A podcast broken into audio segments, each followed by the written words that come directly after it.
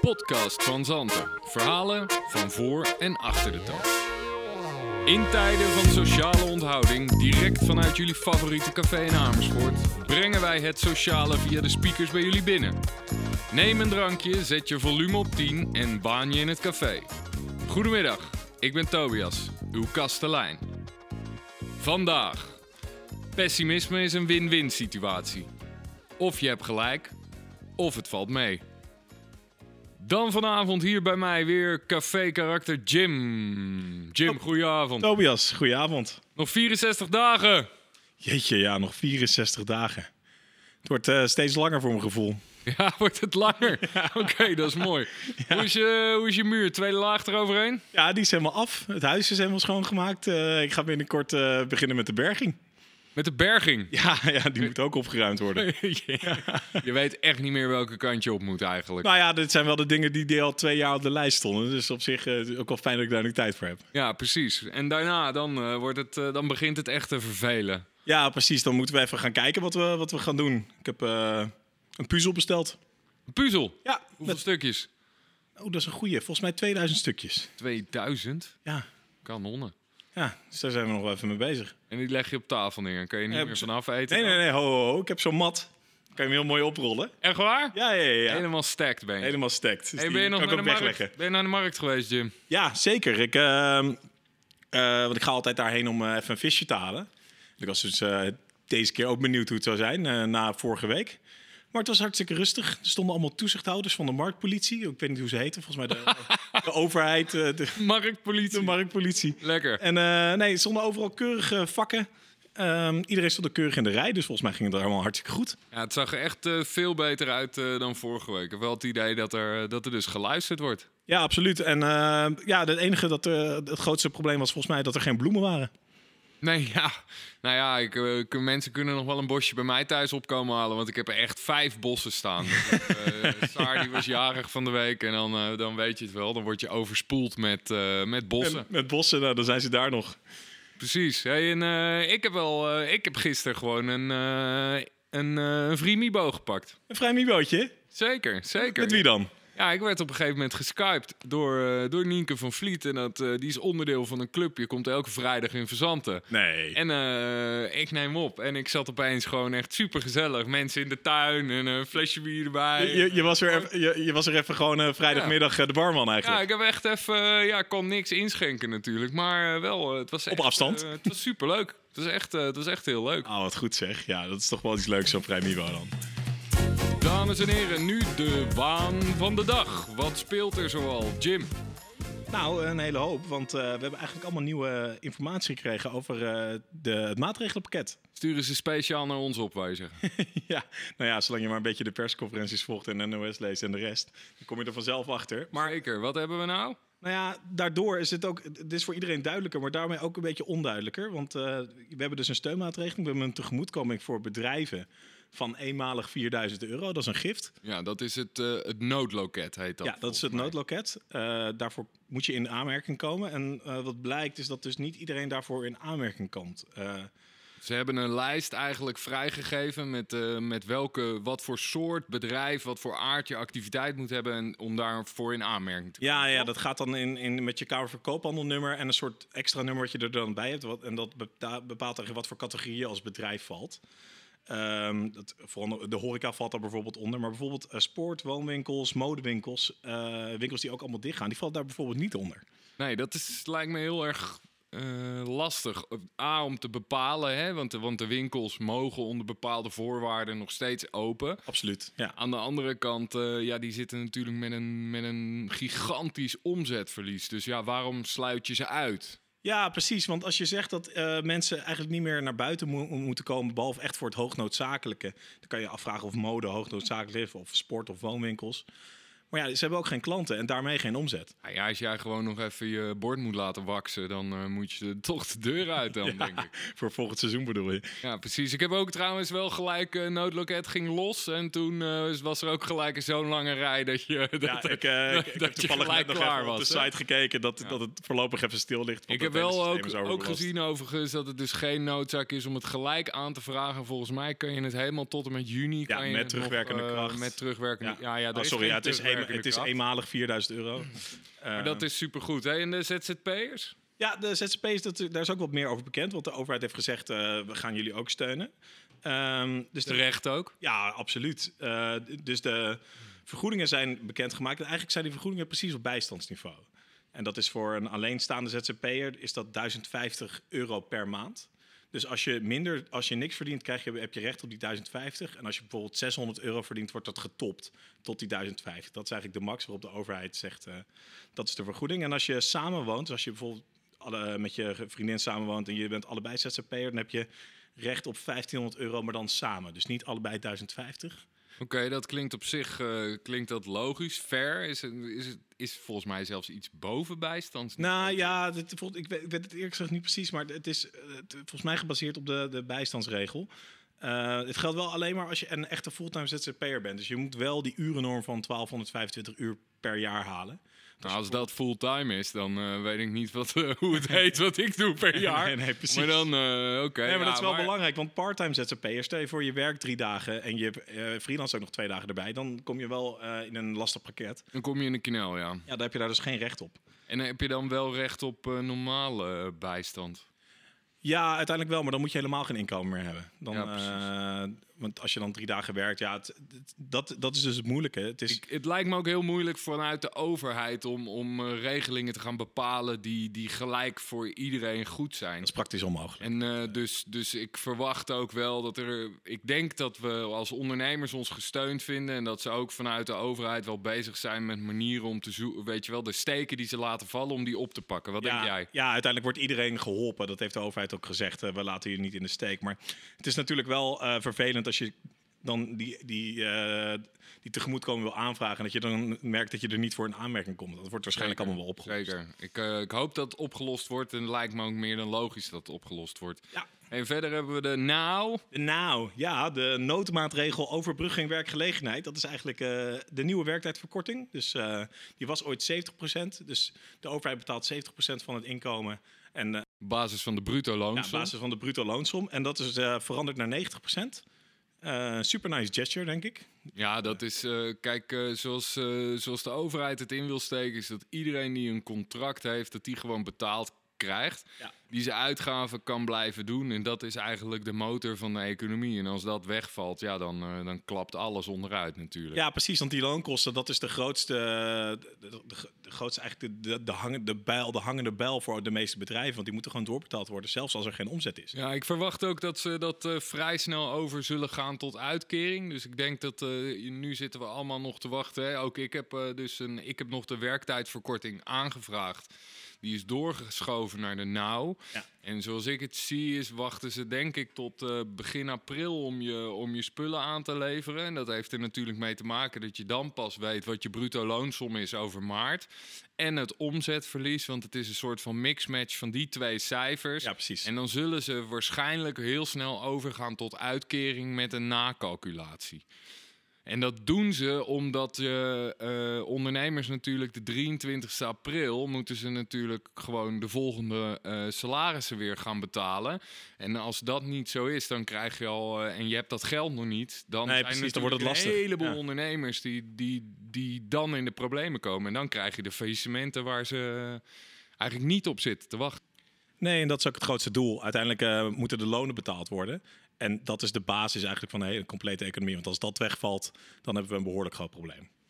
hey, eh, Tobias, eh, ik las iets over de berenjacht. Ja, daar kan ik je wel wat meer over vertellen. Het is een eh, initiatief, Berenjacht in NL is, het, eh, is, het, is de Facebookpagina die ik nooit gezien heb.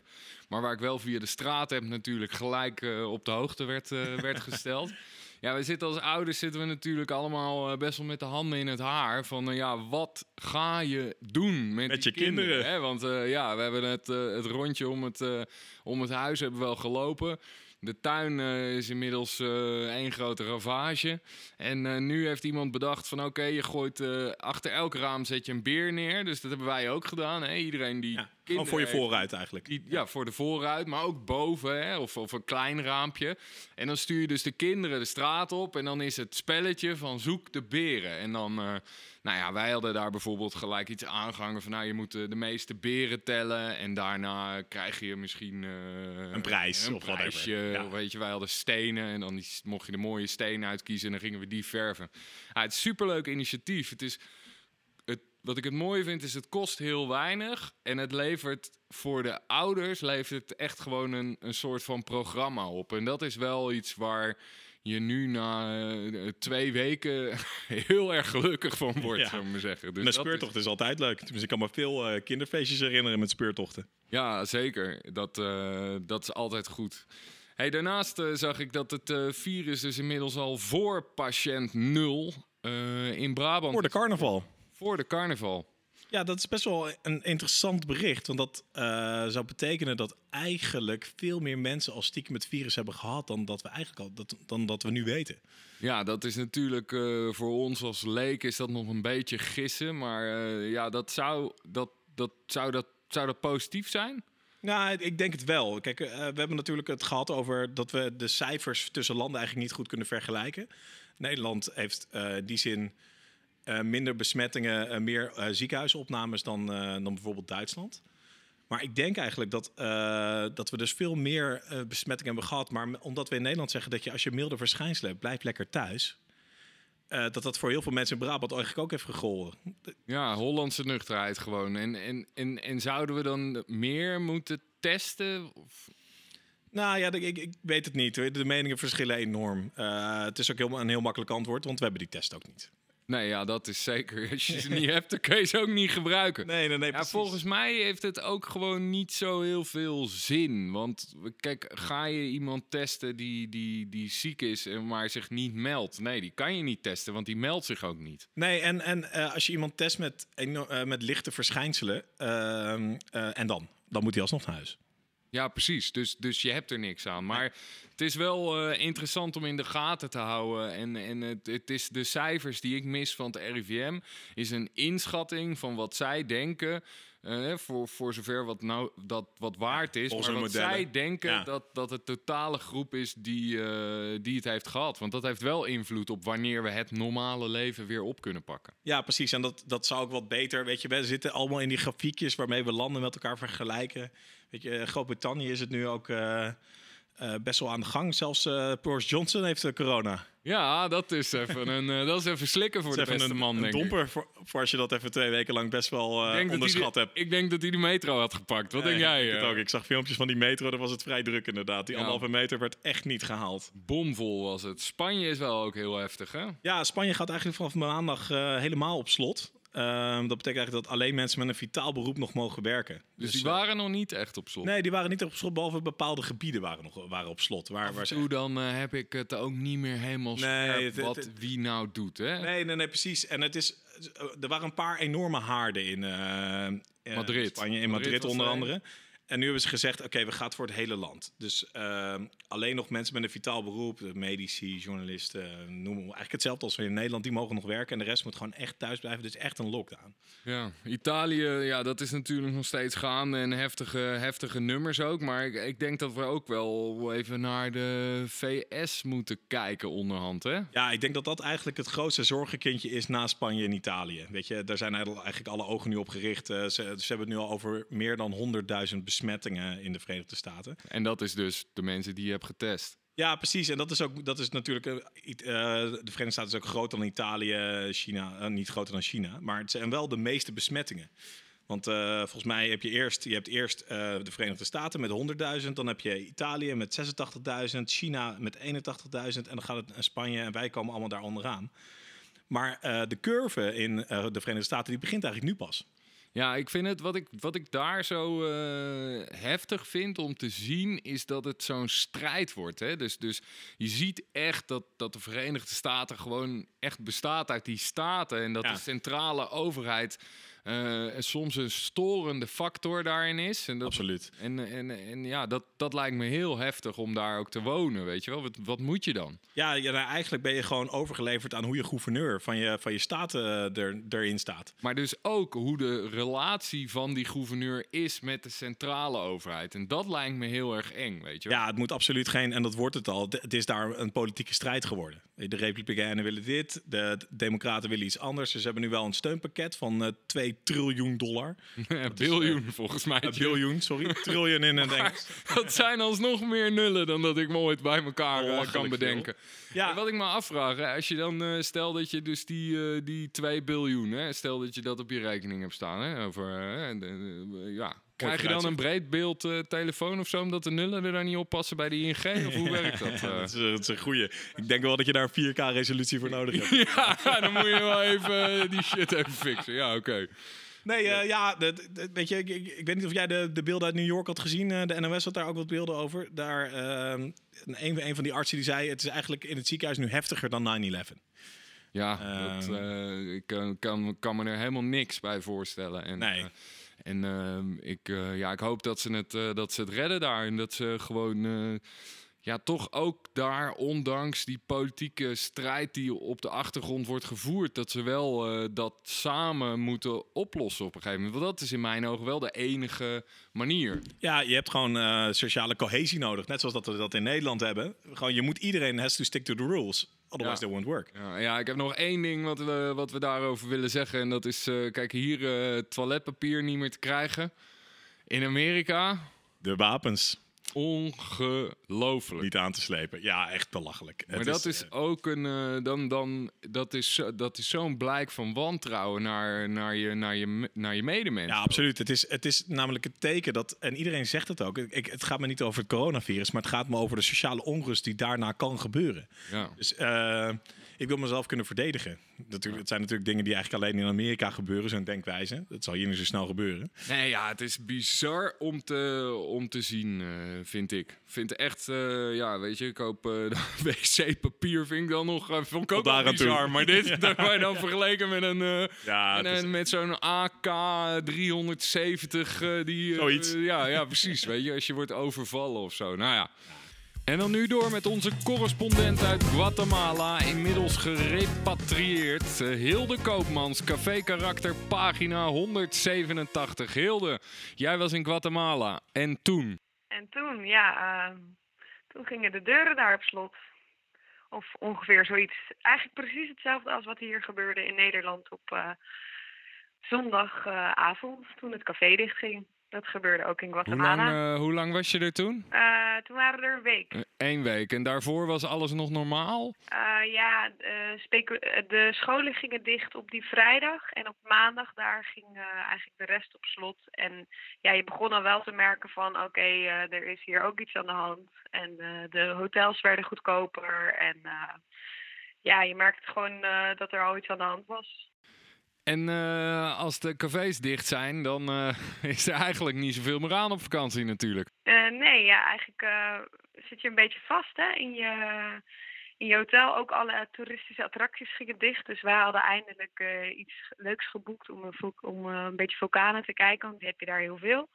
En toen, de volgende dag, wisten we al dat we niet meer die tocht mochten maken. Omdat alles werd dichtgezet. En eh, mensen zaten al vast in sommige plaatsen. Echt, de geruchten gingen meteen heel snel eigenlijk van toerist naar toerist. En eh, En kon je wel eten eh, kopen dan nog? ja, we, zijn, eh, we zaten toen eigenlijk in een beetje een krakkemi- krakkemikkig bedje in een, in een een beetje afgelegen dorpje. Dus toen zijn we eigenlijk heel snel naar een ander dorp gegaan. In een wat meer hippie-achtig dorpje. En eh, daar hebben we een wat mooier bedje uitgezocht. En toen dachten we nog, nou eh, oké, hier kunnen we het even uithouden. En wie weet, over twee weken is alles weer open. Nou, inmiddels weet ik wel beter. En eh, dat wisten we daar ook na een paar dagen eigenlijk. Van, het gaat niet zomaar weer open. Ja, precies. Want je zei dat het allemaal een beetje mond op mond ging. Maar hoe, hoe, hoe, gaat dat, hoe verspreidt zich nieuws dat dan? Hoor je het dan van de medebewoner in het hotel? Ja, we wisten eigenlijk eh, dat er een, uh, een, een uh, speech van de president zou komen. En we hadden al gehoord dat het luchtruim dicht was bij Panama. Het luchtruim ging dus ook dicht bij Guatemala. En ja, toen hebben we ook meteen gezocht naar een Facebookgroep. Want zo assertief zijn de Hollanders in het buitenland ook wel. En kwamen heel snel ook in een appgroep met allemaal Nederlanders. Die vast zaten ergens in Guatemala. Zo, dus je hebt er nog contact aan overgehouden wellicht. Zeker, en ook een punt hoofd af en toe, want uh, je zit dan met z'n allen te stressen over wat je zal doen. En, uh, en uh, iedereen is, ja, het is allemaal eerste hand informatie is mooi, maar het wordt echt vijfde hand informatie. Dus soms dan hoorde je dingen over vluchten die gecanceld waren, maar die waren helemaal niet gecanceld. En allemaal gekmakerij. Wanneer heb je bedacht van oké, nu moeten we gaan kijken hoe, hoe komen we hier weg? Ja, wij ehm, wij hadden eigenlijk één nachtje wel lekker geslapen in dat nieuwe bedje. En uh, toen liepen we de volgende dag het dorp in. En toen merkte je eigenlijk al ja, alsof wij een beetje de boemannen waren. En je merkte echt dat het was inge, ingedaald, het nieuws bij de mensen daar. En uh, toen dacht ik gewoon, ja, hier voel je niet goed. En eigenlijk leerde je ook steeds beter, besefte je steeds beter dat, uh, dat het niet iets was wat maar twee weken gaat duren. Nou, er was nog natuurlijk precies één hipster koffietentje voor ons om een lekker kopje koffie te halen. Dus dat, uh, maar zelfs daar was, uh, ja, dat voelde de sfeer al heel vervelend. Nou, en als je dan geen familie hebt of je eigen huis om bij terug te keren, dan voel je echt snel ontheemd. Of ik in ieder geval wel. Dus toen wouden we wel weg eigenlijk. Precies, en dan, uh, dan moet je terug. Ehm, ja. Hoe ging dat? Ja, dat was eigenlijk best wel een pittige reis. Wij eh, zaten dus in die appgroep met z'n allen. En daar was op een gegeven moment ook de, um, hoe heet het ook weer, iemand van de ambassade van Guatemala aan toegevoegd. En uh, die heeft uh, gezegd van, nou, er is nog één grensovergang naar Mexico open. Die kan je te voet oversteken. Nou, daar zaten wij vijf uur rijden vandaan. Maar je mocht eigenlijk niet meer in busjes rijden en met vervoer. En toen gaf die man in, op een gegeven moment aan in die groep uh, wij kunnen ervoor zorgen dat jullie beschermd naar die grens komen. Dus dat betekende dat wij met één telefoontje de toeristenpolitie konden inschakelen op het moment dat er iets mis was onderweg. Uh, tijdens die rit naar de grens. Toeristenpolitie, sowieso voor mij een heel nieuw, uh, uh, heel nieuw woord. Wat, hoe, hoe, heb je dat ervaren? Heb je die mensen ook gesproken? Of? nou, wij zijn op een gegeven moment waren we lekker onderweg in onze auto. Die Waarvan je ook dacht, nou gaat hij de grens halen. Maar dat ging uh, heel lekker en daar moesten we ons absoluut geen zorgen over maken volgens de chauffeur. Toen werden we aangehouden door de gewone politie. En uh, die uh, controleert alles. En die zei, ja, jullie mogen niet in deze auto. En dus wij zeiden, nou, mogen we wel. We hebben dit en dit geregeld. Nou, weet je, als je 500 uh, kwetsal geeft, dan is het opgelost. Oké. Okay. En dus dus uh, ik zou, ja. Pinnen of uh, contant? Uh? Ja, of je even dat gewoon wel geven. Dan was het wel opgelost. Contactloos, toch? Ja, nee, prachtige briefjes daar allemaal. En, um, maar wij hadden dat nummer wat we moesten bellen. Dus ik zei, nou, ik ga dat wel even proberen. En um, dus ik bellen en toen ging ik dus hun nummerbord opnoemen. En toen zag je in één keer die politie zo... Oké, okay, hier zijn jullie pa papieren. Adios, adios. En um, nou, zo los je de dingen op. Dus je voelde je daar wel door gesteund, hè? En toen ging je door naar de grens dus? Ja, toen uh, reden we door naar de grens. Nou, uh, je, ondertussen was het echt de vraag of die auto überhaupt de grens ging halen. Maar het was een, een uh, Japanner, die auto, dus we hebben het gehaald. Onverwoestbaar. Hele lieve, hele lieve kerel achter het stuur. Hij heeft heel mooi Coldplay meegezongen. En nou, ja, top toch? En nou, toen waren we bij de grens. En daar daaruit en toen mochten we lopend de grens oversteken. Moesten we, onze temperatuur werd opgenomen. Ja, je moest uitleggen wat je ging doen, wanneer je het land weer uitging. Want je moest wel Mexico weer uit. En uh, nou, dat was allemaal wel spannend, maar dat ging eigenlijk heel soepel. Uh, heel raar, want voor Guatemala, uh, mensen uit Guatemala was de grens wel dicht. En wij liepen daar als blonde meisjes zo langs. En kon je vanaf daar direct vliegtuig in? Daarna een, even onderhandeld over een taxietje naar het vliegveld vlakbij. En toen waren we op het vliegveld en daar zaten we samen met heel veel Amerikanen. Want die hadden ook net het nieuws gekregen dat de grenzen dicht gingen. En daar hebben we twaalf uur moeten wachten op onze vlucht naar Mexico City. Allemaal gringo's, toch? Ja, wij zijn de gringo's, ja. Hey, in Mexico City eh, kon, je, kon je vliegtuig makkelijk pakken? Of hoe werkt dat? Is er speciaal een vlucht voor jou teruggekomen? Eh, heb je contact gehad met de ambassade? Eh, Nee, hoe ja. zit dat? Ja, daar, wij zaten zo ook de, natuurlijk het nieuws mee te lezen, maar de ambassade, ja, die, die, eh, zover was het eigenlijk nog niet. Tot die tijd is KLM eigenlijk verantwoordelijk om te blijven vliegen en zoveel mogelijk mensen terug te halen.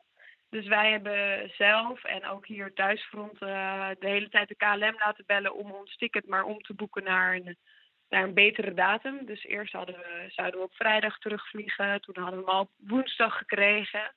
En toen op zondag, eh, op maandag. En ehm, daar hebben we bij de balie ook nog van alles geprobeerd. Maar het was heel chaotisch en stressvol. En je zag echt het hele eh, vliegveld was vol assertieve Hollanders. Dus iedereen dacht, ik ga dat plekje wel even krijgen. Dus eh, ja, toen moesten we daar nog drie dagen wachten. Zat die kist vol dan? Wat zei je? Zat dat vliegtuig vol? Ja, ons vliegtuig zat heel vol. En dan hoorde je van andere vluchten in die appgroep van... ja, het vliegtuig staat niet eens vol. En dan, ah, dan, dan baal je wel heel erg. Maar ja, eh, zij doen ook... eh, je, je merkte wel dat KLM ook alles aan deed om iedereen erin te krijgen... en om niet de pan uit te flippen. Maar het, eh, ja, hele rare tijden. Dan land je op Schiphol. Ehm, wat, wat is dan het gevoel? ja, heel, ja, je bent blij, maar ook een soort van heel verdrietig. Want ja, wij hadden wel eh, lang naar deze reis toegeleefd. En ehm hele gekke plek was het, want eh, de, ik denk dat 90% van de vluchten niet meer vloog. Bijna alles was afgesloten. En eh, ja, de, er was nog één winkeltje open, zeg maar, als we toen Schiphol uitliepen. Dus dat wordt echt een eh, spookplek eventjes. Een verlaten plek die normaal gewoon zwart ziet van de mensen. Daar komt het op neer. Ja, ja. Ja, en dan ter afsluiter, dan ben je terug in Nederland. Dan eh, wil je eigenlijk gewoon naar het café voor een verse Jupiler. En dan zit de hut gewoon dicht. Ja, dat is toch thuiskomen hè, bij Verzand aan de bar. Nou ja, voorlopig eh, zal dat er niet in zitten, Hilde. Ik eh, dank je heel hartelijk voor je verhaal. Ik denk dat we een leuke inkijk hebben gekregen van hoe dat dan in zijn werk gaat als je ergens anders eh, zit. En eh, ik denk dat we elkaar snel weer spreken. Ja, dan drinken we een pilsje. Ja, niet hier wellicht, maar wel een pilsje. Nee, gewoon op anderhalve meter afstand. Precies. Heel goed, dankjewel Hilde. Oh, doei. Zo, dat is wel een soort van slechte film je dan in beland. Zo lopen de grens over. Ja, heel bizar. En wat mij vooral nog bizarder lijkt, is dat je opeens als Europeaan wordt aangekeken, zou ik maar zeggen, als de brenger van het virus. Ja, precies. Jij hebt het gedaan dan, hè? Ja, dat is, dat is wel heftig. Maar ook wel, een, ook wel een kijkje in de keuken van bijvoorbeeld eh, vluchtelingen of, eh, of weet ik veel wat. Ja, en weet je wat ik het meest, wat ik dan ook heel, heel zegt het ook, weet je, voor al die eh, toeristen, die gaan natuurlijk op vakantie of verre reizen. En dan ben je daar, ben je eindelijk op locatie na een lange vlucht meestal, tijdzone, jetlag overleefd. En dan is je eerste goal, dus heb je er even gezeten. Hoe de fuck kom ik zo snel weer terug in Nederland? Ja, dat is, eh, dat is bizar. Ja. Nog een keer eh, vakantie eh, boeken lijkt me voor heel het einde van het jaar. Ja, ik denk, ik denk, denk dat dat voor heel veel mensen geldt. Ja, of lekker veel festivalletjes pakken. Maar ja, dat wordt ook. Dat zit er ook niet in, hè? tricky, nee. hè? Nee, nee, en het vliegen zelf zit er ook niet in. Want ik zag dat de KLM eh postte een video, of Schiphol was dat. Dat eigenlijk Schiphol is nu voller dan vol. Want alle, alle vliegvelden, alle vliegtuigen moeten nu een plek hebben. Die zijn natuurlijk normaal in de lucht. En nu moeten ze geparkeerd worden. Dus ze hebben zelfs een- de Aalsmeerbaan al vrijgemaakt om daar eh, ook weer vliegtuigen op te stallen. Ook weer wel typisch dat het grootste probleem nu parkeerplekken is. Altijd, het is altijd parkeren. Net zoals hier namens. Ja, je kunt, hè, binnen, hoe lang moet je wachten op een parkeervergunning? eh? Een jaar. Ja, precies. Ja, ja. Tot die tijd moeten ze maar hier gewoon even- op de even Van Galenstraat zetten, want dan kan je nog gratis parkeren. Ik weet niet hoeveel vliegtuigen daar passen, maar eh, het zal even proppen geblazen ja, zijn. één of twee daar, dat is prima, toch? Ja, we hadden het net al heel even over de festivalletjes, eh, Jim. Eh, wat had jij eigenlijk allemaal op het programma staan dit jaar? Ja, qua werk al best wel veel. Eh, persoonlijk ook Wildeburg, Lowlands, Best Kept Secret. Zijn nog niet afgelast? Ja, En best kept. al- best Kept, nee, nee, nog alle drie niet. Maar wel, wel, wel bericht op Facebook dat, dat zij ook... eh, heel erg benieuwd zijn hoe het gaat verlopen. Dat zij dat ook niet kunnen inschatten. Maar er zijn al festivals, Digital, Paaspop, uh, dat is allemaal gecanceld. Douwpop ook. Zeker, een lepeltje Amersfoort. Ja, volgens mij zes lepeltjes. Zes lepeltjes zijn gecanceld, ja. En om daar even verder op te gaan, hebben we nu een, uh, een gast. Vandaag aan de virtuele toog, Camille de Kruif, productiemanager in de evenementenindustrie. Hoe ziet jouw agenda eruit, uh, Camille? Nou, mijn agenda is er uh, tot 12 maart eigenlijk best goed gevuld uit. Ik had een heel aantal concerten en festivals in de agenda staan voor het voorjaar en de zomer. En op 12 maart besloot de regering om alle evenementen met meer dan 100 bezoekers een streep door te zetten.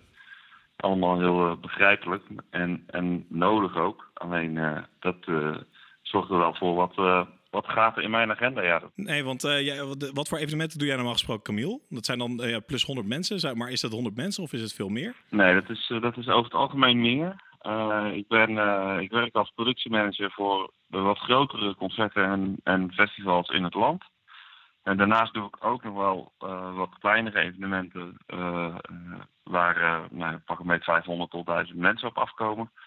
maar mijn reguliere line of work, zeg maar, is uh, Ziggo uh, AFAS live-achtige concerten. Dus dan heb je het over tussen de 5 en 10.000 of 5 en 15.000 mensen. Um, maar ook uh, festivals zoals uh, en Lowlands, waar we het hebben over 40 tot 60.000 bezoekers, waar ik een onderdeel ben van het, van het team wat, dat, wat die evenementen produceert.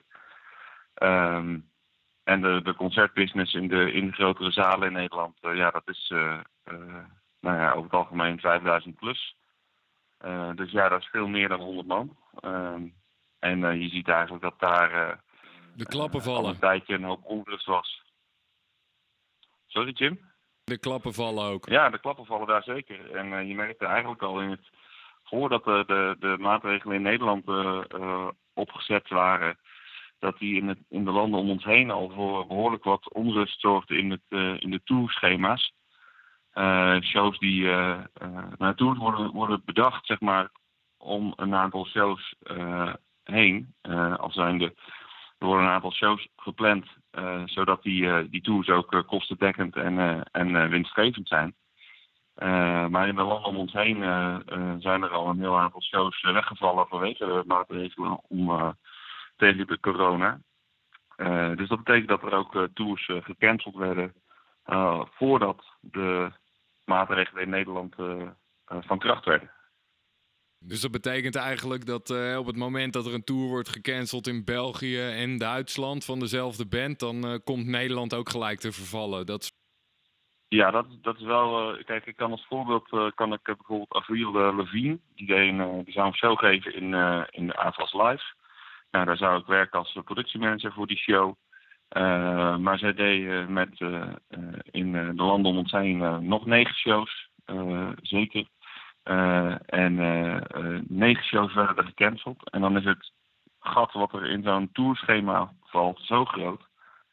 dat zij geen inkomsten genereren uit shows die ze niet doen, wat logisch is. Maar ze hebben wel de kosten, want ze zijn wel gewoon met 50 man op tour of meer. die ze allemaal moeten uitbetalen. Dus dan is het best wel een dure hobby om op tour te gaan. Hey, en nu ben je parttime leraar of niet? Want je hebt ook kinderen volgens mij. Ja, ja ik heb twee, uh, twee, twee kinderen in de basisschoolleeftijd. Dus, uh, dus inderdaad uh, parttime productiemanager, parttime basisschooldocent. En, en nou ja, ik ben ook nog begonnen met het, het klussen in mijn huis. Ja, ja, Want ja, ik ook. Ja. ja van die dingen waar, waar zeg maar tijd voor is. Ja, absoluut. Hey, uh, je had het net over zo'n tour, die heeft dan 50 mensen. Er zit natuurlijk ook, los van dat als een event niet doorgaat, zit daar eigenlijk een hele industrie achter. Die sector is eigenlijk veel groter dan dat we denken. Uh, kan je hoe, hoe, hoe, zijn de klappen, hoe vallen de klappen daar? Want uiteindelijk, een, een tour gaat niet door. Uh, wat gebeurt er dan? Uh, voor wie heeft dat allemaal invloed? Nou ja, kijk, de, de, een tour die niet doorgaat, heeft, heeft voor, voor uh, allerlei partijen gevolgen. Uh, dat zijn toeleveranciers, dat zijn mensen zoals ik, ZZP'ers in de evenementindustrie. maar dat zijn ook mensen die werken voor beveiligingsbedrijven, dat zijn mensen die werken voor licht- en geluidsverhuurbedrijven, dat zijn chauffeurs, dat zijn mensen die werkzaam zijn in de zaal, uh, horeca-medewerkers, noem het maar op. Eigenlijk iedereen vanaf het moment dat jij aankomt bij een zaal, dan kom je een aantal mensen tegen. Namelijk, je komt een beveiliger tegen die je ticket scant. je hangt je jas op bij de garderobe. nou, je koopt een beetje merchandise bij, bij de merchandise balie. al die mensen, die, die blijven thuis. dus we hebben het over best wel een grote hoeveelheid mensen die, die last hebben van, van het feit dat er, dat er shows niet doorgaan. En ja, dat, dat, dat kunnen maar zo, los van die 50 mensen die misschien wel toe zijn met, met, met zo'n gezelschap, zijn dat zeker tussen de 300, 400 mensen op een avond die geen werk hebben. Ja, dat klinkt ook helemaal niet, niet gek inderdaad. En dat is denk ik wel wat mensen onderschatten op dit moment. Ben je dat met mij eens? Of? Ja, nou, ik weet niet of mensen het onderschatten, maar het is wel een, je merkt wel dat er een, er is natuurlijk een soort, er, is, er is het een en ander op gang gekomen om maatregelen, of nee, om, om hulp te bieden aan de culturele sector en de evenementenbusiness. en je ziet dat het, dat mensen zijn die, er, die rechtstreeks werken voor de zaal of rechtstreeks werken voor de organisatie. Maar de toeleverancier in dit, dit hele verhaal wordt nog niet gekend in het feit dat hij zijn spullen niet verhuurd. Dus dan heb je het over, de, over licht en geluid, denk ik. En uh, misschien ook over de toeleverancier van mensen, dus de uitzendbureaus. Ja, bijvoorbeeld uh, de, de uitzendbureaus die alle stagehand leveren, bijvoorbeeld voor een show. maar ook bijvoorbeeld meubilair verhuurders. Wij huren best wel veel meubilair in voor evenementen.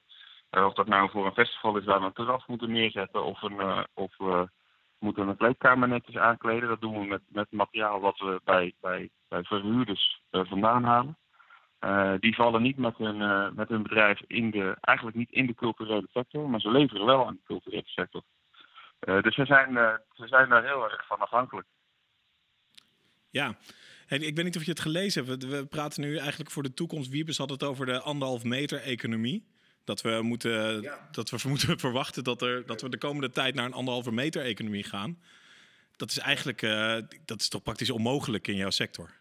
In mijn sector is dat uh, geheid onmogelijk. En uh, dat, heeft, dat kan ik eigenlijk wel heel kort illustreren door, door een voorbeeld. Normaal gesproken staat er bij een concert van een boyband of van een andere gezelschap waar veel jonge mensen op afkomen staan uh, maar zo vier, vier mensen per vierkante meter, omdat ze heel graag dichtbij willen staan. wij rekenen normaal gesproken met 2,5 mensen per vierkante meter. Als we, als we een, een, calculatie maken voor een zaal of voor een concert. Ehm, als wij één persoon per anderhalve vierkante meter moeten rekenen, dan, dan kan er geen, geen enkel festival of, of concert kostendekkend worden georganiseerd. en daarnaast is het, is het zit de mens volgens mij ook niet zo in elkaar dat ze dat nou ja, van elkaar gaan accepteren. Dat is mijn idee erbij. De mens is een, de mens is een sociaal dier, is niet gemaakt om afstand te houden, denk ik. En uh, bedoel, naast, naast de evenementen eh, is het voor de horeca natuurlijk ook echt onmogelijk om dat vol te houden. Natuurlijk, dat is niet te doen. Nee, je, je, ziet al op straat dat we gewoon een week uh, nodig hebben gehad om te wennen nu aan dit, aan dit feit dat, dat je afstand moet houden. En ik even naast het zakelijke uh, zie ik ook niet echt in hoe ik persoonlijk in zo'n maatschappij nog zou kunnen functioneren. Om het even heel diep te, diep te maken gelijk. Nee, nee ja, kijk, ik denk, ik denk dat als, als blijkt dat dit de nieuwe standaard gaat worden, wat ik, denk, wat ik niet denk dat het gaat zijn uh, dan, uh, dan is er voor de evenementindustrie geen kans van slagen, volgens mij. En uh, in ieder geval niet in de vorm zoals we dat gewend zijn. Um, dus denk ik een. Een nou ja, ik, ik, denk eerlijk gezegd dat als ik kijk naar, naar hoe we over een tijd, als, we, als de corona weer voorbij is, we langzaamaan weer de samenleving op gang gaan helpen en, en scholen weer open gaan, de horeca weer open kan. Um, dat we langzaamaan eigenlijk toch in een, denk ik hoor, in een soort uh, oud stramien weer terugvallen. Waarbij we de dingen oppakken zoals we ze gewend zijn om op te pakken. Nou, laten we hopen Ehm. dat we niet helemaal in een oud stramien eh, wegvallen. En ook proberen om de creatieve punten weer op, op, te, op te pakken. Maar ik denk, ik denk inderdaad dat, eh dat Wiebes hier in dit geval eh, ja, onmogelijke dingen, dingen vraagt. En dat het wel echt een noodmaatregel moet zijn. Dus echt met een paar maanden. Want het is gewoon niet vol te houden. Nee, het is, dus dat, is, dat is volgens mij ook zo. En Wiebes heeft wel vaak ongelijk eh, gehad, volgens mij. Eh, met opmerkingen die hij heeft gemaakt. Eh, dus volgens mij eh, ehm, eh, moet het een tijdelijke maatregel zijn. En, en denk ik wel dat die nog best even kan duren hoor. Maar ja, ik denk wel dat we lange adem moeten hebben als, als evenementenbranche, maar ook als horeca. Zullen we daar nog wel even nou, last van hebben, denk ik. En, en wat je ziet is dat, dat de evenementindustrie eh, wordt, wordt heel, heel hard geraakt. Eh, we zijn eh, als een van de eerste eh, aan de beurt, om het even zo te zeggen. En ik denk dat we als laatste weer aan de beurt zijn om aan te haken. Omdat het gewoon. ik denk dat het nog een, een hele tijd gaat duren voordat er weer normaal concerten gaan plaatsvinden. Ja, en wat, ja wat we, en wat we ook zien nu eigenlijk nu in deze crisis, bijvoorbeeld we vorige keer een gesprek over het onderwijs, is dat eigenlijk dat er nu allemaal nieuwe creati- creatieve initi- initiatieven worden gestart eh, tijdens deze coronavirus, eh, tijdens dit, deze crisis. En heb je eh, in de evenementensector, het is natuurlijk heel lastig om evenementen, om dingen te organiseren met heel veel mensen. Maar zijn er, weet jij of er wel nog creatieve dingen ontstaan? Evenementen waar mensen bijvoorbeeld in de auto kunnen zitten of, of dat soort dingen? Maar je ziet vooral dat, dat, dat organisatoren heel druk zijn met, het, met datgene eh, wat ze moeten doen om, om een evenement overeind te houden. Dus de organisatoren zijn, zijn wat dat betreft heel druk met hun, met hun eigen winkel, om om het even zo te zeggen. Maar je ziet aan de, aan de ZZP'erskant, eh aan de toeleverancierskant, is er een hele open blik naar de maatschappij toe. Weet je? Iedereen zegt, wij willen wat doen. Maakt niet uit wat. Eh, want we kunnen nu niet onze eigen vak uitoefenen. Dus we willen graag bijdragen in, in de, de rest van de samenleving. Je ziet dat mensen in, eh, eh, in, in gaten stappen van, eh, van seizoensarbeid. Wat, er niet, wat wij normaal gesproken in Nederland volgens mij veel meer mensen uit, uit andere landen laten doen. Die mensen komen niet vanwege de corona. Dat dat ook Asperges steken, is daar ook onderdeel van of niet? Onkruid bieden, weet je, noem het maar op. Je. Iedereen, iedereen uit de evenementindustrie wil aan de bak. Eh, en wil gewoon graag eh, nuttig zijn voor de samenleving. En eh, je ziet naast Hey, en, en als ik even, mag ik even terugpakken op die, op die kaartverkoop hè, die stilstaat. Heb, is zijn er daar ook dan creatieve manieren om daarmee om te gaan? Want dat, dat lijkt mij heel lastig. Dat is het ook. Nou ja, daar kun je niet zoveel aan doen. Ik, zou- ik zou namelijk zelf ook geen kaarten kopen op dit moment. Als ik niet zeker weet of, het festival, of er een festival wel of niet door kan gaan. Weet je, dan. dan dat is, dat is hoe, hoe mensen natuurlijk denken. Eh, wat heel begrijpelijk is. Ehm, als je niet zeker weet of een, eh, of een, eh, een festival doorgaat, dan ga je niet nu een kaartje kopen. Als je zeker weet dat het wel door kan gaan, kan het best zijn dat wij na 1 juni weer gewoon kaarten gaan kopen. Maar dan hebben we wel, weet ik veel, 65 dagen geen kaarten kunnen verkopen. En dat, en dat ga je natuurlijk in je capaciteit op je terrein merken. De andere kant van de, van de, van de munt is natuurlijk... eh, als de mensen 65 dagen binnen hebben gezeten... wellicht eh, lusten ze dan wel weer een biertje... En, eh, en kopen ze daar wel weer een kaartje voor. Nou, ja, dat, dat zou mooi zijn. En, en dat, is, dat is iets wat we, wat we gewoon moeten afwachten. En ik denk inderdaad dat op het moment dat, dat we de kans krijgen om weer mooie dingen te maken met elkaar. eh, eh, en gezellige, gezellige bijeenkomsten te hebben met muziek en, eh en een biertje erbij. Ja, dan wil iedereen naar buiten. Dat, eh, dat, dat ben ik van overtuigd. En dan Ja, daar zijn wij ook van economie- overtuigd. Ja, ik kan het zeggen. Dat kan ik me voorstellen. Ik, eh, ik denk dat die anderhalve meter economie dan heel snel eh, niet... dat die vliegen niet opgaat. En, en je ziet dat naast het feit dat, dat, dat mensen gewoon op zoek zijn naar ander werk dan, dan er nu in de evenementindustrie is, zie je ook dat, dat toeleveranciers bijvoorbeeld, eh tentenleveranciers, leveranciers van stroom en verwarming, dat die samen optrekken om bijvoorbeeld eh triagetenten voor ziekenhuizen te plaatsen. Eh, dat zijn, weet je, die, die zetten hun materiaal en middelen in en hun know-how eh, op andere vlakken dan de evenementenbusiness. En dat vind ik heel tof om te zien, dat, dat iedereen in een, in een mum van tijd schakelt naar, oké, dit kan niet. Oké, wat kunnen we wel doen met elkaar? Het is een, het is een, Er zit een hele solidaire, solidaire Nou, eh, dat is denk ik eh, goed om, eh, om eh, wat dat betreft eh, nu eh, mee af te sluiten. Ik denk dat een creatieve sector dus nu ook solidariteit toont. En eh, ja, dat is gewoon super. hè. En eh, op het moment dat, eh, ik bedoel, lu- iedereen, het publiek lust op een gegeven moment wel weer een biertje. Maar wat, eh, wat, drink jij eigenlijk als je niet eh, festivals aan het Ja. produceren bent? Nou ja, ik zou, eh, vanavond zou ik eh, aan, een, eh, aan een spaatje blauw zitten in de Ziggo bij eh, een concert van Andrea Bocelli. Nou, gaat, nou, gaat dat, nou is dat niet doorgegaan, dus zit ik aan een, een flink biertje van Brouwerij. Brouwerij het Ei uit Amsterdam. Flink. Nou, die gaan we dan volgende Ja. week eens even lekker doorproeven in deze podcast. En dan wil ik je bij deze bedanken voor je, voor je tijd. Camille, sterkte de komende tijd. En Nou. ja, laten we allemaal er wat moois van maken. Zeker, gaan we doen. Bedankt voor de uitnodiging. En, eh, Is goed, jij ook. Yo! Zo, dat eh, was wel een interessant gesprek, Tobias. Zeker. Het is eh, heftig om te horen dat er zoveel mensen worden geraakt. En dat er in die evenementensector zulke harde klappen vallen. Ja, vooral die schakels. Hè. Het, is niet alleen de artiest. Het begint bij de artiest, dan de productiemanager. En dan uiteindelijk heb je dan nog de chauffeurs, de leveranciers. Die worden allemaal geraakt. Tot Ja. aan de tentenbouwer aan toe. Schakels, eh, schakels. Maar ik, zelf sta ik ook graag natuurlijk op een festivalletje. Ja. En eh, het is gewoon wel balen dat het allemaal wegvalt. Ik bedoel, Ja, en zeker ook dat het nog wel even gaat duren waarschijnlijk. van de vier dagen lepeltje was ik altijd wel... Vier. ja, ja, ja, vier, ja. Ja, meestal ook 's ochtends even en dan Ja, dan even weer naar huis en dan s'avonds weer even terug, weet je. Ja, ja, precies. Ik bedoel, eh, wa- waar haal ik nu mijn bekers vandaan? Dat is meer de grote vraag. eh. Nou, het wel heel tof om te zien is dat die hele sector wel heel veerkrachtig is. En dat ze manieren zoeken om wel aan het werk te blijven dan in eh, andere sectoren. Zoals bijvoorbeeld eh aspergesteken of seizoenswerk. Zeker, ja. Het is super top dat asperges toch nog de grond uitkomen. En dan even doorgaan op, op het eten. We zijn weer toe aan onze volgende rubriek. Hamstervoer!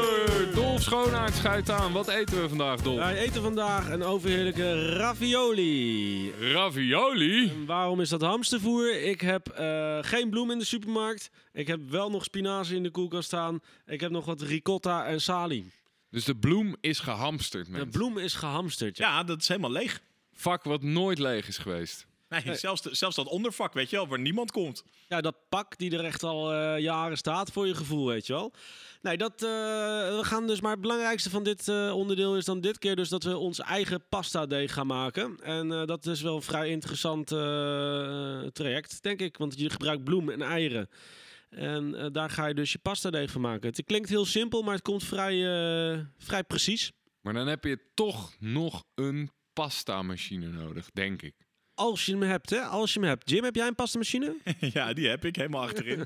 Nooit gebruikt. Ja, de meeste- Eén keer, de eerste keer, als je hem krijgt, dan ga je hem gebruiken. Ja, en daarna, daarna gaat hij verstoffen op de kast. Nou goed, pak hem eraf en eh, maak je deeg. En ehm, wat belangrijk is bij, eh, bij, bij je pasta is dat je eh, je deeg dus even laat rusten en, eh, en het goed eh, afweegt. eh, precies dus eh, alle ingrediënten. Alle ingrediënten erin, even kneden, laten rusten. Ja, en dan maak je er dus de plakken, plakken deeg van door je pastamachine. En wat ook heel belangrijk is, is het afkoken van je pasta. Is dat je eh 10 Gewoon gram 10 minuten zout of zo, toch? 10 gram zout op een liter water doet. En dan eh, koken totdat het goed is. Hè. Kijk, ik vind een, een, een aantal minuten geven aan pasta koken, je moet het gewoon proeven. Wat is al dente, hè? Dat is altijd de vraag. Dat is, eh, ja, en dat... dat Mijn oma uit. Italië, die pakt altijd een stuk pasta uit de pan en dan gooide die tegen het plafond aan. En als het bleef plakken, dan was het goed. Aardig, ik wil de plafond wel eens zien, want ze eten, ze, eten, nee, ze eten best wel vaak spinazie. Of eh, spinazie. eh. Zonder Spaghetti, gekheid, ja. Dolf. Wat, eh, wat gooi je er nog meer in dan? Nee, ja, goed. eh, en daarna na het afkoken doe ik hem eh, in een pannetje met, eh, met boter en salie. Dat is echt heel erg lekker. Al burro. Het is echt, echt, vind ik echt heel lekker. En eh, je moet oppassen met je salie, want het is vrij, ehm, vrij intens en het overheerst heel snel.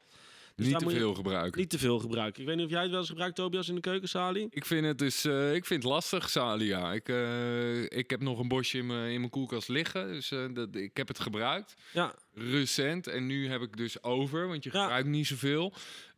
ja, je brengt me op ideeën. Salie en boter, onthoud dat. Dat is echt wel een goede combinatie. Zoals... Schrijf het even op, mijn geheugen is een 7. Ja, dat, dat, dat geloof ik wel. En een beetje parmezaan eroverheen. Nou, dan kunnen we weer lekker smullen met z'n allen, denk ik. Hey, en waar kunnen we deze de bereiding zien? Het brein, dat, eh, dat zou ik weer eh, plaatsen op mijn Instagram. En, eh, en ik ga hem ook bij uh, Verzanten op de Facebook neerzetten. Helemaal te gek. Gaan we nu door met ons favoriete onderdeel, de allesbehalve corona biertest! Maak hem allemaal maar open mensen. Dit bier drinkt men vooral op het terras en in halve liter variant. Het heeft 5% alcohol, is een hoge gisting. Komt uit Duitsland mensen, München. Klopt. En eh, ja, het is gewoon een vaste waarde geworden in de afgelopen jaren, heb ik het idee. Ik, eh, oh ja, sorry Jim, wou je wat zeggen? Nou, volgens mij is dit gewoon het biertje wat je eigenlijk eh, op het terras drinkt. Een, grote, groot, een groot glas Franciscaner. Ja, de grap is wel van dit bier dat het dus eh, ten opzichte van de, van de, van de Hoegaarden... Wat je vroeger was dat echt het zomerbier. Dat, dat de Franskaner heeft hij een beetje eruit gedrukt en eh, is, eh, is wel... ehm, het hele jaar door meer wordt dat gedronken. Dus het is niet alleen per se voor de zomer ook. Nee, want je hebt, je hebt Weizen en je hebt wit bier. Ja, zeker. Weizen is een, eh, is een tarwebier en gebrouwen volgens het, volgens het Duitse Reinheitsgebot. Dat betekent dat het Ach, ja. enige wat daarvoor eh, gebruikt wordt is eh, gist, hop, tarwe en water. Waarbij wit bier wel nog toevoegingen in zitten. Dus koriander en curaçao, wat een mooi woord is voor sinaasappelschilletjes. Ja, zeker. Hey, en over de geur, wat vinden we van de geur? Want ik vind dat best wel een herkenbare geur. Ja, ik haal hem er altijd gelijk uit. Eh, Jim mag hem even inkoppen. Banaan. Banaantjes. En dan eh, hebben we het dan over Chiquita of Haribo, eh, Dan Jim. hebben we het over de Haribo. Onbegrijpelijk lekker. Peter Jan Rens in je huiskamer vandaag. Ik vind het... eh, Vandaag in ons glas. het is eigenlijk bijzonder, hè? Alsof ze die banaantjes toch stiekem even erin doen en dan weer even eruit halen. Even zo even... Ja, wat dus niet kan, want je hebt het reinheidskabot. Ja, nee, ja, dat klopt. Hey, door met de smaak, mensen. Eh, Wat, eh, wat vinden jullie? Ik vind de, de, de, de bubbel, hè, vind ik, wat, eh, een- ik vind een kleine bubbel. En, en dat maakt hem misschien eh, dus wat, wat voller in je mond, wat romiger. Ja, romig is denk ik wel echt iets waar iedereen zich mee kan eh, identificeren. En eh, het feit dat jij in een kleine bubbel zit, dat, eh, ja, dat is ook niks nieuws. Nee, dat, eh, dat klopt. Niks nieuws onder de zon. Hoe, eh, en dan nog eh, ja, mondgevoel, romig dus. Ja, vol. Ehm, het, is, het, het, is gewoon, het is geen mes- en vorkbiertje, maar je, je proeft wel echt dat je wat drinkt. Eh, maar wel nog steeds, het blijft, het blijft wel die frisheid behouden. Ja, fris en fruitig dus, want banaan is ook fruit, hoewel... ja, maar ook, maar ook wel een beetje, meer een beetje citruskant op, hoor. Een beetje die, eh, ja, wat, wat, wat, dat frisse ook. Ja, Dat, ja, zeker. Ik, heb, eh, ik ben zelf dus, eh, vind ik hem eh, altijd, ja, mag ik misschien helemaal niet zeggen, maar ik vind hem dus eh, wat, eh, wat te dik voor een, eh, voor een fris biertje. Dus ik, ik kan er wel, hè, ik bedoel, ik geniet er wel nu van, maar Ja. als ik op het terras zit, dan heb ik toch liever een eh, wit bier. Ja, dat is niet gangbaar. Ik schaam me ook een beetje. Ja, want dit biertje op de fles, daar staat ook een hele gezellige monnik met een dikke pint bier. ja. Het biertje wordt dus gebrouwen door, of werd gebrouwen door de Franciscaners. Dat was dus een eh, kloosterorde. En het waren eigenlijk de volgelingen van eh, Franciscus van Assisi. Maar ik ben benieuwd of dat nog, zo ste- of, of dat nog steeds zo is. Nou, inmiddels eh, zijn die monniken, die, eh, die drinken... pensioen. Ze drinken het misschien, maar eh, inmiddels is uh, Franciscaner onderdeel van eh Ab InBev. Wat eh, overigens tevens de brouwer is van Corona bier, jongens. Nee. Ja, ja, ja, nou ja, goed. Ik heb dat dus ook gehoord eh, ja, van jou, Tobias. Net eigenlijk zei dat tegen mij. Toen, toen vond ik het toch best wel bijzonder eigenlijk. Dat, dat, dat, dat dezelfde brouwerij is. Ja, dat is, eh, dat is grappig. is niet heel gek, hè? Ik bedoel, dit is, een, dit is de grootste brouwerij eh, ter wereld. Het is natuurlijk niet één brouwerij. Het is gewoon echt een conglomeraat van verschillende Heel veel merken, brouwerijen. toch? heel Ja. veel merken. Hè, oneindig veel merken, zou ik Ja. bijna willen zeggen. Eh, maar ja, het is, het is dezelfde, ja. Corona. Wat ik wel tof vond om te horen is dat zij dus eh, ehm, alle le- aangebroken of lege bierfusten van cafés allemaal eh, vol terug gaan zetten. Nou ja, dat is eh, denk ik eh, wel het, eh, het, het solidariteitsgevoel. Dus de brouwerij die doet ook zijn ding. En die zegt van nou, alle aangebroken fusten, die hebben natuurlijk een houdbaarheidsdatum. Dus ze hebben Kan je niet meer de- verkopen. Nee, je kan ze niet meer verkopen als ze weer open gaan. Dus vanuit de brouwerij is er gezegd: wij nemen al die halve vaten terug. En die, eh, ja, die, die, die leveren weer vol aan. En dan eh, voor niks eigenlijk. Ja, vind ik echt een mooi gebaar. Ja, wel balen dat wij ze net allemaal opgedronken hebben. Maar ja, dat, eh, ja, dat zal weer aan ons liggen dan. Het is altijd hetzelfde. En je kan natuurlijk niet de hele dag alleen maar drinken, mensen. Ook al is het Franciscaner. Er moet op een gegeven moment gegeten worden.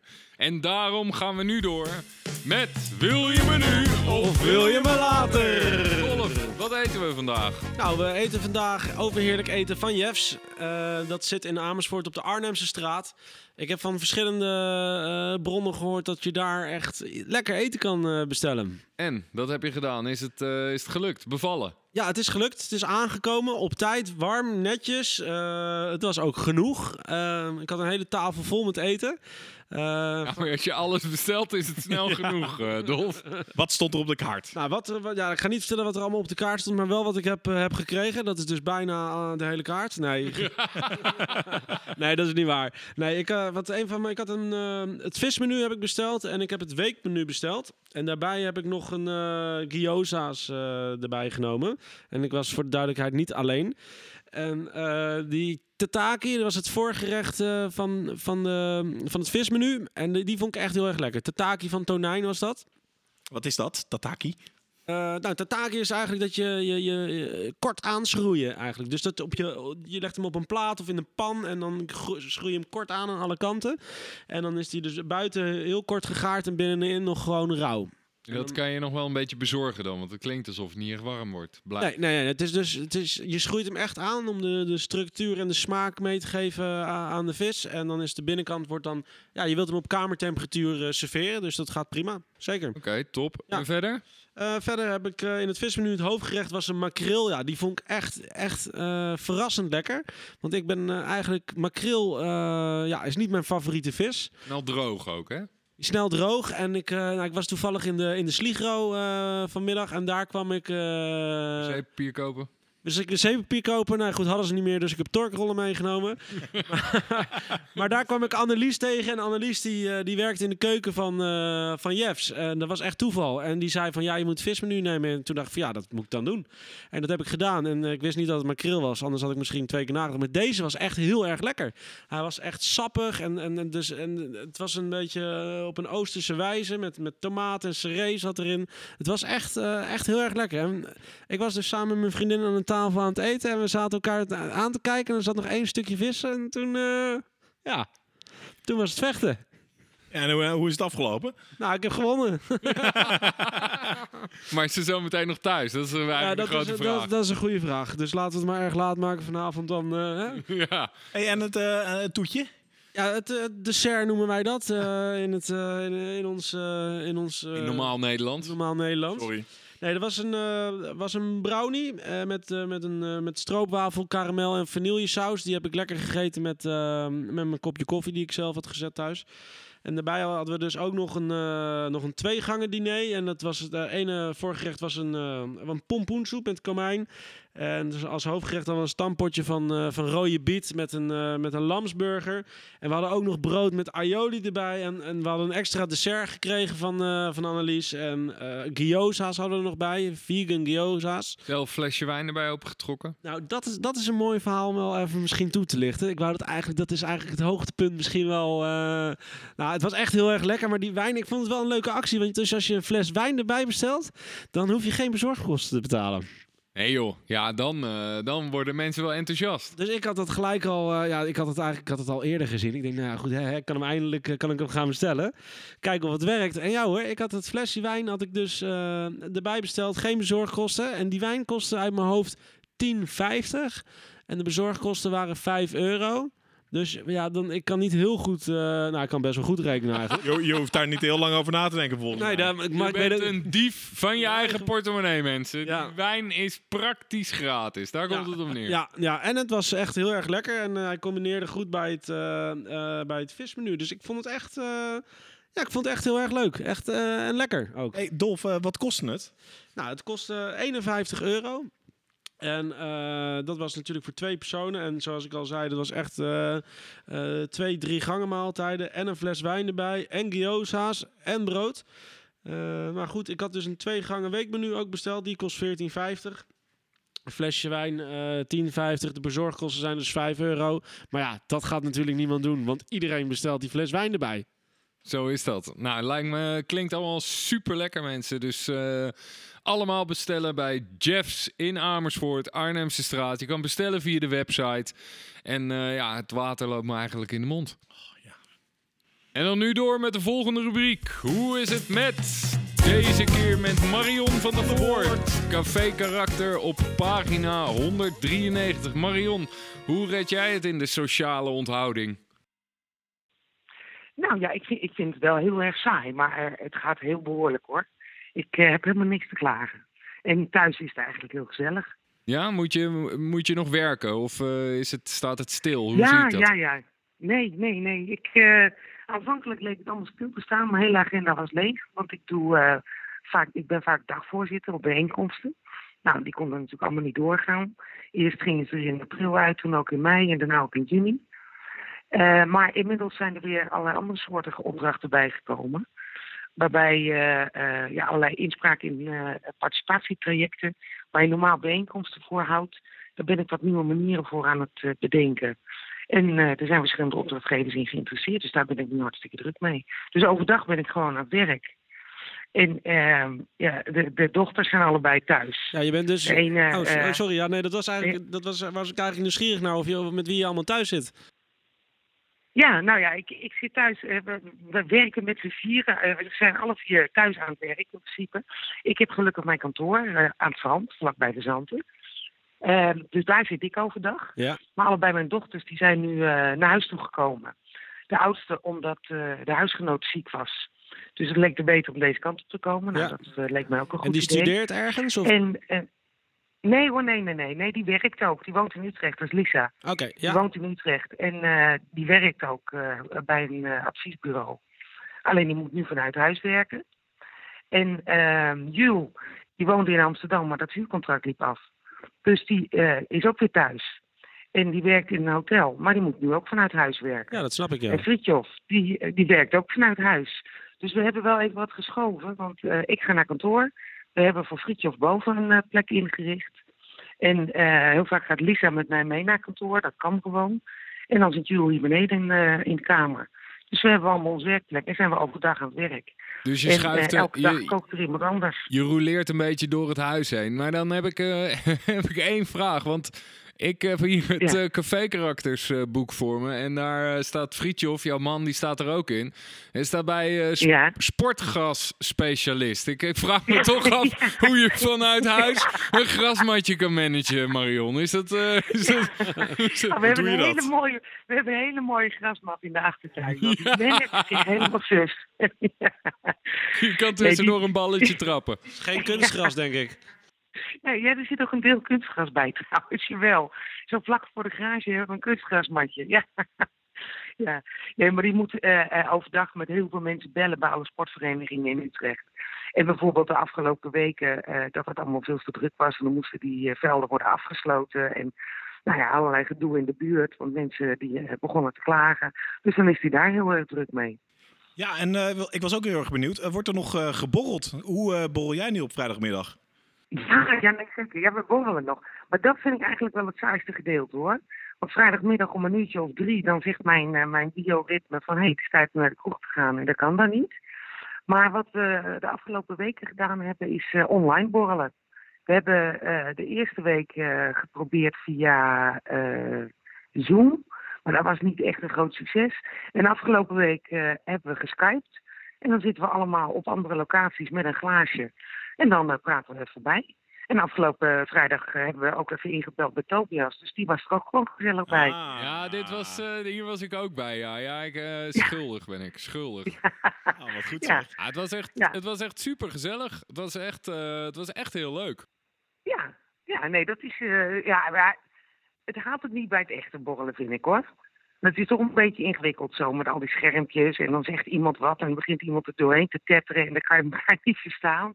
En op het terras is dat heel gezellig. Maar online is dat soms wat onhandig. Ja, kroegpraat op afstand, dat is toch anders. Ja, ja, zeker. Ja. Maar goed, het is, eh, voor even is, eh, is, is het te doen hoor. Voor Als even moet, is het een het. oplossing. Maar laten we toch hopen dat we hier weer heel snel bij elkaar kunnen komen. Marion, wat jij? Joh, zodra die persconferentie er is en ze zeggen de kroeg gaat weer open, dan stap ik op de fiets en dan kom ik naar Verzanten. Nou, kijk, dat is mooi om te horen van iemand die sowieso natuurlijk de kantoor naast Van Zanten heeft genomen. Ik bedoel, eh, ja, daar, dat we daar... Goed, nou ja, Marion, dankjewel. Het was fijn om, eh, om je stem te horen en eh, laten we in contact blijven. En eh, ja, niet alleen wij, maar iedereen van Zanten. Ik Zeker, denk dat dat ja. heel belangrijk is in deze tijd. Ja, en tot de Dat volgende borrel dan. eh. Groeten aan iedereen en eh, tot de volgende borrel. Yes. Inderdaad, dankjewel. dankjewel. Nou, wel goed om te horen dat ondanks het gebrek aan cafés... dat er nog steeds geborreld wordt. Ja, het is denk ik niet te vervangen wat je in het café hebt met een Zoom of een Skype. Maar het is wel goed om te merken dat mensen in contact blijven met elkaar en nieuwe manieren vinden om, om dat contact in het café op te vangen. Ja, precies. Want eh, je, ze zei het al, eh, na drieën dan begint het toch te jeuken. En ik denk dat dat voor heel veel mensen geldt. Ja, zeker. Maar het is, dit, is, dit is na drieën voor, voor, omdat eh, Marion hier de, de week graag afsluit. Maar daarnaast hebben we natuurlijk ook een legio van mensen die hier gewoon 's ochtends binnenkomt om de krant te lezen en een kop koffie te drinken. Ja, ja, ja, ja die zullen we alle ongetwijfeld nog veel gaan spreken, eh, deze komende podcast-serie. Ja, we gaan proberen om ze allemaal te pakken te krijgen. en daarnaast, eh, mocht je zelf zin hebben in een kopje koffie, mis je je favoriete fazante barkeeper, dan komen wij dat kopje koffie, het biertje of het wijntje bij jou thuis brengen. Kom maar door met die aanvragen, mensen. Via Insta, via Facebook of bel gewoon naar de fazante telefoon. Alleen daar is vaak niemand aanwezig. En dan nu door Eerst een algemeen bericht. Toen wij hiermee begonnen dachten we nog dat we 6 april weer fluitend buiten zouden staan. Maar inmiddels hebben wij ook wel door dat het wat langer zou duren. En vandaar hebben wij besloten om de frequentie van twee keer per week terug te schroeven naar één keer per week. Omdat wij heel graag de tijd en aandacht aan deze podcast willen geven die het verdient. Wat jij, Jim? Ja, zeker. eh, ja, het duurt natuurlijk nog even wat langer. Eh, in ieder geval tot 1 juni. Dus eh, we willen heel graag door met de podcast, maar dan eh, één keer per week. Heel goed als jullie allemaal blijven luisteren. En de volgende podcast zal live gaan aanstaande woensdag. En eh, wat gaan we dan eten, Dolf? Nou, we gaan eh, overheerlijk eh, eten van de parel van Amersfoort. eh, restaurant Tollius van de Utrechtse Weg. Zo, we gaan op chic dus in de podcast. Schuif allemaal lekker aan en eet mee. En verder hebben we ook een hele interessante gast uit de gezondheidszorg, rechtstreeks uit het crisiscentrum, Jim. Ja, eindelijk eens een keer eh, informatie rechtstreeks van het veld. We hebben natuurlijk eh, heel veel gasten gehad al in allerlei sectoren die eh, geraakt worden door deze crisis. Maar eh, nog niet uit de gezondheidszorg. Nee, precies. Dus tune allemaal in en luister aankomende woensdag. Dan komen we nu al aan bij het einde van deze podcast. Zorg dat je de volgende keer je biertje in huis hebt. Brouwerij Het Ei, flink. Kijk nog waar je hem ergens vandaan kan trekken. En dan nemen wij hier nu nog één afsluitend drankje. Wat wordt het? Ja, we zijn door de smerige zooi zijn we eigenlijk een beetje heen. Yes! Yes! dus, Yes! dus we sluiten nou af met een eh, jongens oude jenever van, eh, van Wees. En eh, ja, dit is ja, wat mij betreft echt tof, tof spul.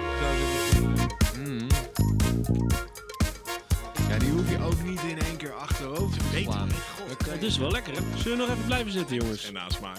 Zullen we nog even... Ja, ja, eh, hey, op de fiets. Nog eentje dan.